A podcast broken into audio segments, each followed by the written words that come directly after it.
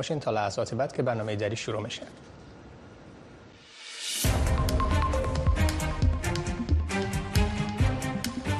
سرخط سه خبر مهم در برنامه امروز تلویزیون آشنا صدای امریکا از واشنگتن.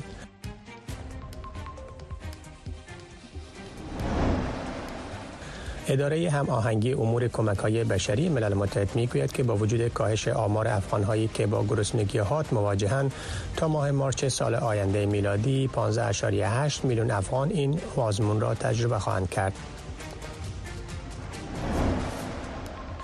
در حالی که شمار کشته شدگان جنگ اسرائیل و حماس در غزه به 21600 نفر رسیده است بنیامین نتانیاهو صدر این کشور روز شنبه گفت که جنگ اسرائیل علیه حماس برای ماههای بیشتر ادامه می‌یابد و افغانهای مقیم آلبانی مرکز ایالت نیویورک اتحادیه را ایجاد کردند تا به خانواده های مهاجرین افغان در این شهر راهنمایی و کمک رسانی کنند. سلام بینندگان گرامی. به برنامه امروز خوش آمدید. امروز یک شنبه 31 ماه دسامبر سال 2023 میلادی هست. برنامه امروز به طور مستقیم از طریق وبسایت و فیسبوک تلویزیون آشنا صدای امریکا و همچنین در رادیو روی موج متوسط 972 کیلوهرتز به نشر می‌رسد. من محمد احمدی هستم. یک اداره هماهنگی امور کمک های بشری ملل متحد به نام اوچا می‌گوید که با وجود کاهش آمار افغانهایی که با گرسنگی حاد مواجهند تا ماه مارچ سال آینده میلادی 15.8 میلیون نفر افغان این با این آزمون مواجه خواهند بود این اداره ملل متحد ناوقت شنبه با نشر گزارشی گفت که از آغاز سال روانی میلادی تا اکنون افغانستان 53 میلیون دلار از صندوق مرکزی واکنش اضطراری ملل متحد و 135 میلیون دلار را نیز از صندوق بشردوستانه افغانستان برای حمایت و فعال کردن اقدامات بشری به شمول کمک به مردم آسیب دیده از حوادث طبیعی و بحران‌های ناگهانی دریافت کرده است. در این گزارش آمده است که با این کمک های مالی چشمانداز مسئولیت غذایی اندکی بهبود یافته است و تعداد افرادی که پیش بینی می‌شد بین نوامبر 2023 و مارچ 2024 گرسنگی هات را تجربه کنند از 18.3 میلیون نفر به 15.8 میلیون نفر کاهش یافته است. محمد یعقوب مجاهد سرپرست وزارت دفاع طالبان امروز گفت که حملات شاخه خراسان گروه داعش در سال 2023 در مقایسه با سال قبل آن 90 درصد کاهش یافته است. او گفت که از زمان به قدرت رسیدن طالبان جنگجویان خارجی به ویژه شهروندان تاجیکستانی و پاکستانی در حملات بر مساجد، عبادتگاه‌ها، علمای دینی و اجتماعات مردمی در داخل افغانستان دخیل بودند. محمد یعقوب مجاهد گفت که جنگجویان تاجیکستانی در تمامی حملات توسط شاخه خراسان افغانستان گروه داعش در دوازده ماه گذشته دخیل بودند و همچنین دستیابی گروه های دشت افکن به سلاح باقی مانده ایالات متحده و ناتو در افغانستان را رد کرد. این اظهارات سرپرست وزارت دفاع طالبان در یک کنفرانس در کابل ایراد شد که در پیوند به دستاوردهای نیروهای امنیتی آن گروه در سال 2023 برگزار گردیده بود. بر اساس گزارش رسانه های پاکستانی قرار است هیئتی به رهبری ملا شیرین آخوند والی قندهار برای بهبود روابط تیره بین طالبان و حکومت پاکستان طی چند روز آینده به اسلام آباد سفر کند. همکارم مسکا صافی از پشاور پاکستان شرح بیشتر این خبر را به توجه میرساند. مسکا هدف اصلی این سفر این مقام طالبان چی هست و در مجموع روابط اقتصادی و سیاسی بین طالبان و پاکستان در سال 2023 در چه سطحی بوده؟ سپاس از شما روزنامه دان پاکستان امروز در گزارش خود از این سفر نوشته و گفته که هدف سفر ملاشرین آخان به اسلام آباد برای تلاش برای بهبود روابط میان طالبان و پاکستان می باشه و البته در گزارش آمده که این مقام طالبان در اسلام آباد قرار است با مقامات استخبارات و وزارت خارجه ملاقات ها داشته باشد. زمان دقیق یا مشخص این سفر که هنوز مشخص نیست اما گفته شده که قرار است این سفر در ماه جنوری صورت بگیرد. البته از طرف طالبان در رابطه با این سفر چیز معلومات به نظر نرسیده. این در حالی است که دولت طالبان از مولانا فضل الرحمن رهبر حزب جمعیت علمای پاکستان برای بهبود روابط میان طالبان پاکستان خواسته تا به کابل سفر کنه. و مولانا فضل الرحمن هم روز پنجشنبه در یک نشست خبری گفته بود که پس از انتخابات پارلمانی قرار است در ماه فوریه سال آینده به افغانستان سفر کنند. اما از طرف بعض از خبرنگاران پاکستانی در لغو شدن این سفر خبر داده شده ولی به شکل رسمی تا اکنون به نظر چیز به نظر نرسیده. مبصرین امور سیاسی و اقتصادی سال 2023 را یکی از بدترین سالها خوانده زیرا در این سال حملات تروریستی در پاکستان به گونه بیشتر صورت گرفته و از سوی دیگر پاکستان به بارها دولت طالبان را متهم کرده که علیه گروه های تروریستی به ویژه پی اقدام نمی کند مبصرین می‌گوید که از یک سو اقدام نمی کند سوی دیگر حملات این گروه را حتی دولت طالبان محکوم نمی کند که باعث ایجاد تنش‌ها میان طالبان پاکستان گردیده و مبصرین امور اقتصاد می‌گویند که بسته ماندن مرزها و اخراج پناهجویان افغان باعث مشکلات گردیده و و سوی دیگر تجارت در این سال 2023 60 60 الی 65 درصد کاهش یافته. تشکر از مسکا صافی خبرنگار تلویزیون آشنا صدای آمریکا از پیشاور که جزئیات بیشتری سفر انقریب یک مقام طالبان به پاکستان را گزارش دادن. سپاس از شما. تشکر. افغان های مقیم آلبانی مرکز ایالت نیویورک اتحادیه ای را ایجاد کردند تا به خانواده های مهاجرین افغان در این شهر راهنمایی و کمک فراهم کنند. افغان هایی که عضویت این اتحادیه را دارند روزانه به مهاجرین تازه وارد افغان در شهر آلبانی در زمینه ادغام مجددشان در این شهر راهنمایی می کنند. زفر بامیانی خبرنگار صدای آمریکا به این شهر سفر کرده و در این باره گزارشی را تهیه کرده است. این محل کوچک دفتر اتحادیه افغانهای مقیم شهر البانی در مرکز ایالت نیویورک است. افغانهای مقیم شهر البانی در نیویورک این اتحادیه را پس از سقوط کابل به دست طالبان و تخلیه ده ها هزار افغان به داخل ایالات متحده امریکا ایجاد کردند. همه روزه در پایان روز و ختم اوقات کار رسمی شماری از افغانهای عضو این اتحادیه در این دفتر گرده هم آمده و به مشکلات و چالش های افغان های تازه وارد به این شهر می پردازند حکومت سقوط کرد و افغان های بیشتر طرف امریکا آمدن چون نیازمندی و ضرورات از بسیار زیاد بود که اکثر ادارات برشان رسیدگی کردن نمی‌تونستن. و مو خاطر چون ما اینجا از سابق تعداد افغان زندگی می‌کردیم ایرا ضرور دانستیم تا یک جای شویم و امروز از تا حد و توان خود یک کمک داشته باشیم. با می خاطر این دفتر ایجای به شریکی هم افغانا که را گرفتیم و این میجا به نام کمیونیتی افغانا این دفتر ایجاد کردیم تا بتانیم به افغانایی که با همکاری راهنمایی نیاز داشته باشند. از این طریق امرایشان تجاری به خود شریک سازیم. آنان می‌گویند که یکی از اهداف مهم ایجاد این اتحادیه رسیدگی به مشکلات خانواده است که به زبان انگلیسی تسلط ندارند به دنبال کار هستند و یا می‌خواهند فرم های درخواستیشان را به نهادهای حکومتی ارسال کنند. چیزی را که ما از راست و چپ یاد گرفتیم شنیدیم سپری کردیم چون ده سال ما می‌خوایم برای از زیاد زودتر و ادرس هایشان بتیم یا در حساب ترجمانی در حساب اپلیکیشن فیلینگ این کارا را برایشان آسان بسازیم.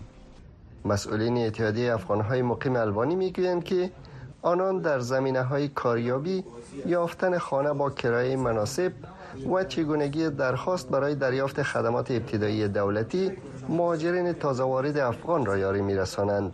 مردم که نو که آمدنه او میتونه که اینجا بیاید مثلا کدام سوال داشته باشه کدام چیز نمیفهمم مثال برای چیز مثال دولت کمک مثال ضرورت داشته باشه و غیره و غیره. مثال هر هر رقم مشکلش که داشته باشه باز اینجا میتونه که در کمیونیتی میایه اتحادیه افغان های مقیم شهر البانی آدرس مناسب برای راهنمایی و رسیدگی به چالش های شماری از مهاجرین افغان که از مرز مکزیکو به شکل غیر قانونی وارد امریکا شدن نیز است. 15 روز میشه از راه مکزیک آمدیم. برنامه یکی از دوستا آوردن در کمیونیتی افغان. از آقای یوسف تشکر می‌کنیم که خیلی کمک راهنمایی کردن. کمیونیتی در بسیار زیاد کمک کردن به خاطر قاضی دولتی بسیار زیاد کمک کردن یعنی. مسئولین این اتحادیه می‌گویند که در حال حاضر آنان روزانه سه تا پنج تن از افغانهایی که از مرز مکسیکو به شکل غیر قانونی به امریکا وارد شدند همکاری می کنند تا درخواست های مهاجرتشان را با همکاری وکلای مدافع به نهادهای مسئول تحویل دهند. زفر بامیانی تلویزیون آشنا صدای امریکا نیویورک صدر اسرائیل گفت که جنگ این کشور علیه حماس برای ماهای بیشتر ادامه می‌یابد. گزارشی در مورد آرزوها و تعیین هدف مردم قبل از آغاز سال نو میلادی در امریکا، بررسی آزمون‌های آزادی بین در ایالات متحده، گزارشی در مورد حضور پایگاه نظامی امریکا در فیلیپین و فعالیت یک اتحادیه در شهر آلبانی و همه این گزارش‌ها بعد از یک وقفه کوتاه نشر.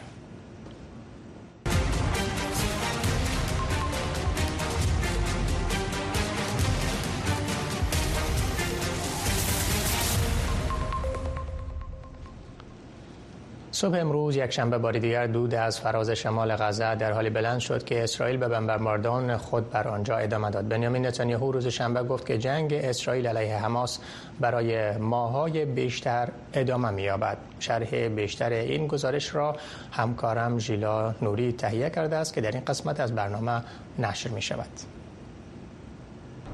امروز یک شنبه بار دیگر شعله ها و دود از فراز آسمان غزه به دلیل ادامه بمبارد اسرائیلی ها بلند شده است. افراد ملکی و کارمندان صحی می‌گویند که جنگ در مناطق قلبرویج مغازی و خانیونس در مرکز و جنوب غزه ادامه دارد. در حالی که کارمندان بخش نجات روز شنبه با جستجوی افراد در زیر آوار در مرکز غزه ادامه دادند صدر اسرائیل می‌گوید جنگ اسرائیل بر علیه حماس به اوج خود رسیده است. و بار دیگر تعهد کرد که کنترل مناطق محاصره شده در سرحد با مصر را دوباره به دست خواهد آورد. از سوی دیگر اردوی اسرائیل ادعا می کند که یک وسیله انفجاری را از یک کودکستان در حال پیدا کردن که قوای اسرائیلی به مناطق جنوب شهر خانیونس در باریکه غزه در حال پیشروی هستند. روز شنبه صدر اسرائیل گفت جنگ اسرائیل علیه حماس برای چندین ماه بیشتر ادامه خواهد یافت و خواسته های جهانی برای آتش بس و خاطر تلفات ملکی گرسنگی و موجی بیجا شدگان از مناطق محاصره شده را نادیده گرفت. تا کنون رقم سربازان اسرائیلی که در غزه کشته شدند به 170 نفر رسیده است. اردوی اسرائیل اعلام کرد که روز شنبه دو نفر نظامی خود را از دست داده است. کارشناسان مسئله جنگ اسرائیل بر غزه می‌گویند این جنگ اکنون یکی از مرگبارترین با بیشترین ویرانی در تاریخ قلم خورده است. در اینجا در حال که حملات تهاجمی اسرائیل بر غزه ادامه دارد فلسطینی ها در بیرون شفاخانه در دیار البلا در مرکز غزه سوگوار هستند. آنها مراسم خاکسپاری و دعاخوانی برای ازیان خود را دارند. تصاویری که از طرف صلیب سرخ فلسطین منتشر شده است نشان می‌دهد که عمله نجات تلاش دارند تا افراد زخمی را از کمپ پناهجویان نوسیرت نجات دهند. فلسطینی ها اکنون با ذهنیت این که فقط در محاصره ماندن و جای امن برای آنها باقی نمانده است زندگی می‌کنند. وضعیت جنگ در حال بدتر شده است که وزارت صحت غزه اعلام کرد که بیشتر از 21600 فلسطینی در چند هفته عملات اسرائیل بر شهرک های غزه کشته شدند اما در مورد تقم تلفات ملکی و نظامی توضیح ندادند با این حال بیشتر از 120 گروگان اسرائیلی در قید ملیشای حماس در غزه باقی ماندند.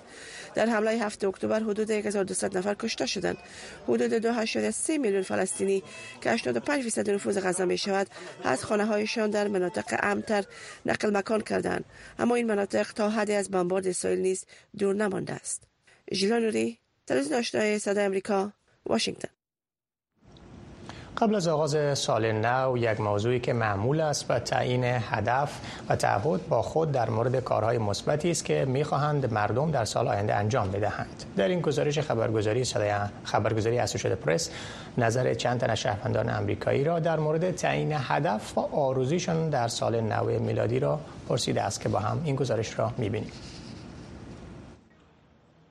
از آغاز سال نو که با آتش بازی شروع می شود تا آخرین مرحله آن جهشی است به آینده. رفتن در مسیر 366 روز سال 2024 که می تواند سال باشد برای دستیابی به اهداف دست نیافتن. تحقق آرزوها. این می تواند سال باشد برای تصامیم قاطع در جهت همه اهداف سال جدید. جاش مور یک باشنده فلوریدا در مورد تصامیم سال جدیدش می‌گوید. فقط کوشش می‌کنم که صحتمندتر باشم سیگرت و نوشیدن را قطع می‌کنم کوشش می‌کنم مقدار پول ذخیره کنم و در کل تلاش می‌کنم زندگی بهتری داشته باشم. امید فتوحی مدیر آموزش خلاقیت در دانشگاه وسترن گورنر در این مورد می‌گوید. همان تصمیم معمول وزن کم کن کم بنوش و ورزش کن. طوری که گفتم وقتی این کارها را در یک روز معین آغاز می کردم بعد فکر می کردم که این یک وظیفه است و من باید آن را انجام دهم. اما گاگا برای خود کمی وقفه بدهید. سپس شما مجبور نخواهید بود این کار را هر روز بکنید. من دریافتم که به این ترتیب این فعالیت ها را می توانم به صورت مداومتر انجام دهم. به عوض این که تصامیم را تعیین کنم.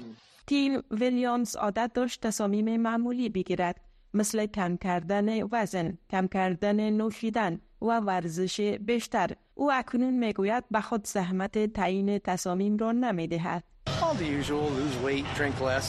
این واقعیت که ما اهدافی داریم این که می خواهیم اهداف تعیین کنیم اینها فقط کشش تجلی میل و ارمان درونی انسان است که تقریبا جهانی است میل رسیدن به و ترقی و رشد. و من فکر می کنم این یک چیز زیباست. اما آیا 2024 می تواند سال برای مسابقه دوش یا مراتون باشد؟ سالی باشد برای مغلوب کردن یا صلح با دشمنان قدیمی؟ در حالی که مردم نیویورک با علاقمندی زیاد منتظر مراسم سال نو هستند مردم در نیوزیلند که در آنجا سال 2024 آغاز شده شب سال نو را با مراسم خاص و آتش بازی استقبال کردند. فوزی اکسان تلویزیون آشنا صدای امریکا واشنگتن. متمم اول قانون اساسی ایالات متحده حق آزادی بیان را تضمین کرده است. اما در سال 2023 وسعت این آزادی تحت آزمایش قرار گرفت. در این سال رسانه های محلی شاهد حملات تلاشی و تحقیقات و احضاریه ها بودند. مدافعین حق آزادی بیان و رسانه ها این نوع حملات را مشکل آفرین عنوان کردند. ژیلا نوری گزارش صدای آمریکا را در این باره پیشکش می‌کند. در تابستان سال 2023 حمله بر مقر یک روزنامه در یک شهر کوچک ایالت کنساس توجه جهان را جلب کرد. تصاویر ویدیوی پلیس را این ضبط کردن لوازم و اسناد از دفتر روزنامه مریون کانتی ریکارد و منزل یکی از مالکین مسن آن جوان مایر نشان می دهد.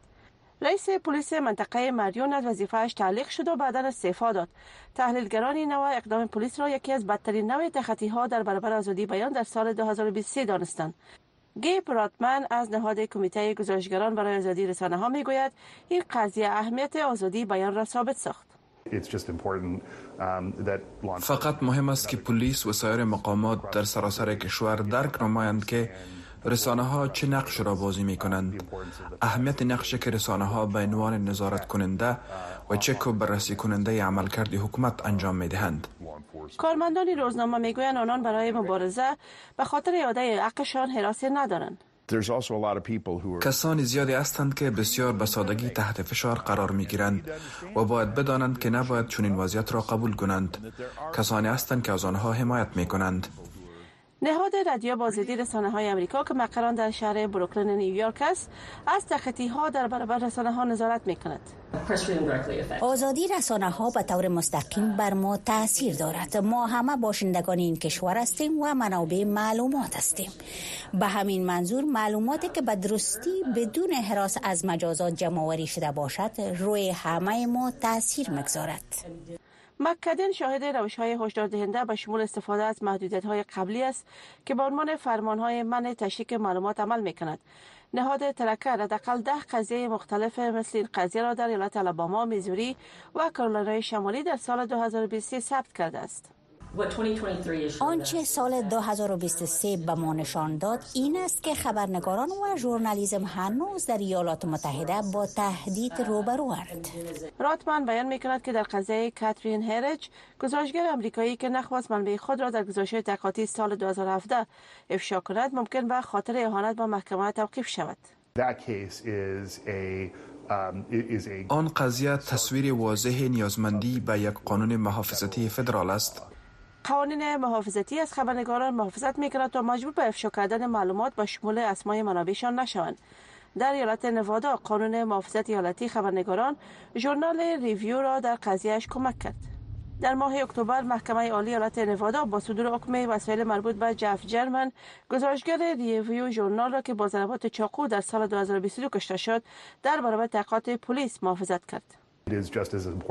قانون محافظت به خاطر مهم است که مطمئن شویم خبرنگاران کار خود را با محرم نگه داشتن منابع خود به پیش ببرند. ایالات متحده از سال آینده به سوی انتخابات رئیس جمهوری می رود مکادین می گوید نهادانها تهدیدات را که متوجه متمم اول قانون اساسی است از نزدیک نظارت می کنند ژیلا نوری تلویزیون آشنای صدای امریکا واشنگتن.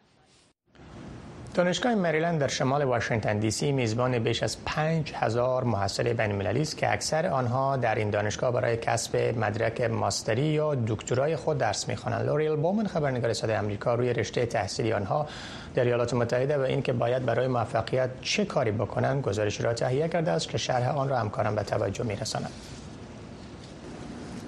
کیمی بساری یک خبرنگار از نایجیریاست و او ژورنالیسم را من حیث رشته دکترای خود به دلیل داشتن استادان مشهور در سطح جهان در ایالات متحده انتخاب کرده است من به فهرست استادان نگاه کردم و استادان را دیدم که زمان خبرنگار بودند و حال در دانشگاه درس می‌دهند و برخ استادان دیگر هستند که من کارهای تحقیقاتی آنان را بدون این که بدانم که روزی به دانشگاه مریلند می آیم خواندم. هیمان سوری از هند مصروف کسب فوق لیسانس خود است و می‌گوید که سنوف رشته انجینری مخابرات در ایالات متحده در مقایسه با دیگر جاها بیشتر عملی می باشد.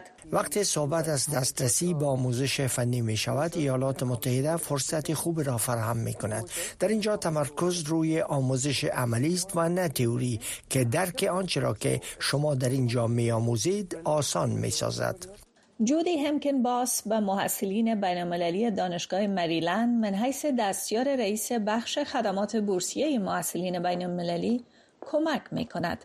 او می‌گوید که محصلین بینالمللی به دلیل فرصتهای برنامه کار و تحصیل که به نام کارآموزی فراغت نامیده می شود نیز تصمیم می گیرند که فوق لیسانس خود را در ایالات متحده بگیرند.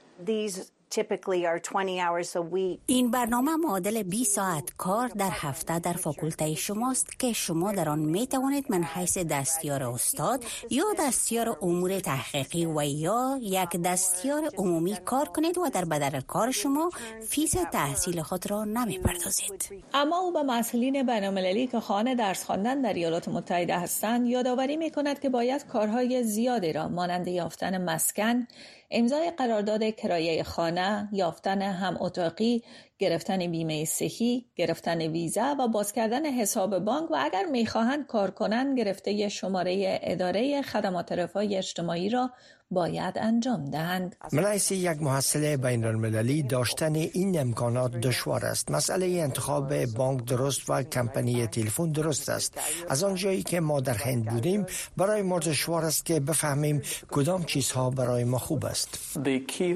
مهم این است که قبل از آغاز سنف ها کار را شروع کنید. من حساب بانک دارم در بخش گرفتن بیمه صحی و شماره اداره خدمات رفاه اجتماعی پیشرفت کرد کردم. هکمن باس به معسلین بینالمللی یادآوری می کند که این دانشگاه ها منابع و خدمات را برای کمک به آنها برای آغاز زندگیشان در ایالات متحده ارائه می کنند. باید موضوع امیدوار کننده دوران شیوعی ویروس کرونا این بود که این دانشگاه اکثر ظرفیت رسیدگیش را به معسلین بین المللی با گفته وی و دیگر معسلین آمادگی قبل از وقت می تواند به پیشرفت یک معسل بین المللی کمک کند. لینا روزبه تلویزیون آشنای صدای امریکا واشنگتن. بیش از سه دهه زمانی می گذرد که آخرین پایگاه نظامی ایالات متحده از فیلین فیلیپین خارج شد. اما در ببوهه ترس و حراس از یک چین توسعه طلب مقامات فیلیپینی دسترسی بیشتری به نیروهای نظامی امریکا در بخش‌های مختلف سرتاسر سر فیلیپین می‌دهد. گزارش صدای امریکا را همکارم قدیر مشرف به توجه می‌رساند. پایگاه نیروی بحری کمیلو اویس در شمال فیلیپین ممکن است آنقدر بزرگ به نظر نرسد. این توپ دافع هوای زنگ زده تنها سلاح قابل مشاهده است که در پایگاه با کارمندان بظاهرا کم به مشاهده می رسد. با این حال به زودی ایالات متحده این خط پرواز را ترمیم خواهد کرد و نیرو و سلاحها را در اینجا جابجا جا خواهد کرد. این پایگاه از جمله نه ساحه است که تحت توافقنامه همکاری دفاعی پیشرفته یا EDCA بین واشنگتن و مانیلا پایتخت فیلیپین به ایالات متحده امکانات دسترسی به آن را می دهد. جدیدترین ساحاتی که در ماه اپریل اعلام شد در نزدیکی تایوان و آبهای جنوبی چین موقعیت دارند که نقطه های اصلی تشنج با چین تلقی می شوند. ساحه کمیل اویس به طور خاص استراتژیک است زیرا با یک پرواز کوتاه از تایوان فاصله دارد. این موضوع مانوئل مامبا حاکم محلی این منطقه را نگران کرده است. او حراس دارد که ولایتش به یک هدف نظامی تبدیل شده نیست. ده ساعت پس از حمله بر پرل هاربر ژاپن به ما حمله کرد. اساسا به این دلیل که نیروهای امریکایی اینجا بودند و من فکر می کنم که اگر نیروهای خارجی را اینجا داشته باشیم دوباره این اتفاق خواهد افتاد. ایالات متحده برای چندین دهه قبل از استقلال فیلیپین در سال 1946 بر این کشور حکومت می‌کرد. آخرین پایگاه دائمی ایالات متحده در اوایل دهه 90 میلادی در میان مخالفت های داخلی فیلیپین در این کشور بسته شد. جابجایی نیروها این بار حضور دائمی ایالات متحده را دوباره برقرار نمی کند. به گفته مقامات فیلیپین تمرکز اصلی حضور نیروهای امریکایی سرعت بخشیدن به مدرن سازی نیروهای مسلح فیلیپین خواهد بود. ما نیروهای مسلح خود را بهبود بخشیده ایم اما هرگز کافی نیست. به دلیل مسائل ارضی که با چین داریم هرگز این کافی نیست. چین ضمن ادعای ارضی بر آبهای جنوبی چین به طور فزاینده کشتی های فیلیپین را مورد اذیت قرار داده است. برخی در مانیلا حضور نیروهای امریکایی را راهی برای جلوگیری از اهداف توسعه طلبانه چین در منطقه می‌دانند. چین این توافق را به شدت مورد انتقاد قرار داده و گفته است که حاکمیت فیلیپین را نقض می کند این یک نوع تبلیغات است که آنها انجام می دهند تا آنچه را ما انجام می دهیم بد جلوه دهند. آنچه برای ما مهم است این است که از آن سود خواهیم برد. در خارج از کمیلیو اوویس به نظر می رسد تعداد کمی از ساکنان از مزایا یا معایب یک پایگاه کوچک که می تواند به زودی نقش بزرگی در امنیت آسیا ایفا کند. آگاه باشند. قدیر مشرف. تلویزیون آشنا صدا امریکا واشنگتن. یک ماجر سوری و برادر در ایالت کالیفرنیا به خاطر فروش تکت 1.75 میلیارد دلاری لاتری در دکانش از طرف حکومت ایالتی کالیفرنیا به دریافت بخششی حائل شده است. توجه کنیم به شرح این گزارش. ندال خلیل دکاندار مهاجر سوری در کالیفرنیا از حدود سی سال بدین سو در مغازه مواد خوراکی و مشروباتش تکت لاتری مفروشد. ولی او هرگز برنده تکت لاتری نشده است. اما یکی از مشتریانش از وی تکت خریده که برنده یک پنج میلیارد دلار گردیده است. یک کارمندم به من زنگ زد و گفت که ما جکپات یا تکت برنده لاتری را فروخته ایم من در ابتدا باور نمی کردم ولی وقتی به فیسبوک نگاه کردم کسی در مورد آن صحبت می کرد ما دریافتیم که ما واقعا تکت برنده را فروخته ایم برنده این جایزه تا هنوز خود را معرفی نکرده ولی ندال و برادرش یک میلیون دلار را که از سوی اداره لاتری کالیفرنیا به خاطر فروختن این تکت دریافت می کنند با هم تقسیم خواهند کرد. خلیل امیدوار است که برنده لاتری یکی از مشتریان روزمره او در فریزر پارک در فاصله 120 کیلومتری شمال لس آنجلس باشد. محلی که او و برادرش ملکیت مغازه مواد خوراکی و مشروب فروشی میدوی را از سال 1994 بدین سو در آن دارند. وال ایوانس یکی از مشتریانش می‌گوید او برنده نشده است. آلن وان مشتری دیگر است که معتقد است چانس می تواند دوباره به سراغ این دکان بیاید. من امیدوارم که دوباره اتفاق بیفتد و تکت هایی را که من خریدم برنده شود. خلیل می‌گوید که او و برادرش در این دکان بسیار زحمت کشیدند. در بخش لاتری بله باید خوش شانس باشید که آن را بفروشید و برنده شوید. ولی عموما در زندگی چانس نزد شما نمی آید شما باید چانس خود را با پشت کار بیابید. او پلان دارد تا از پول لاتری به پسرانش کمک کند. ما باید مالیات را بپردازیم. اول حکومت از ما قسمت خود را می‌گیرد و بعد من این پول را برای کالج فرزندانم مصرف می کنم من دو فرزند دارم. تکت لاتری که در دکان خلیل فروخته شد دومین لاتری با مبلغ بالا یا پاوربال در تاریخ امریکاست. برنده بزرگترین مبلغ این جایزه در سال 2022 یک تکت بود که در شهر التادینا در یک تانگتیل در ایالت کالیفرنیا به فروش رسید که صاحب این تانگتیل نیز یک مهاجر سوری بود. خدیجه همال کوزه تلویزیون آشنا صدای امریکا واشنگتن. بیننده گرامی این بود داشته های برنامه تلویزیون آشنا صدای آمریکا از واشنگتن. تا لحظات بعد شما شنونده نشرات رادیو آشنا خواهید بود.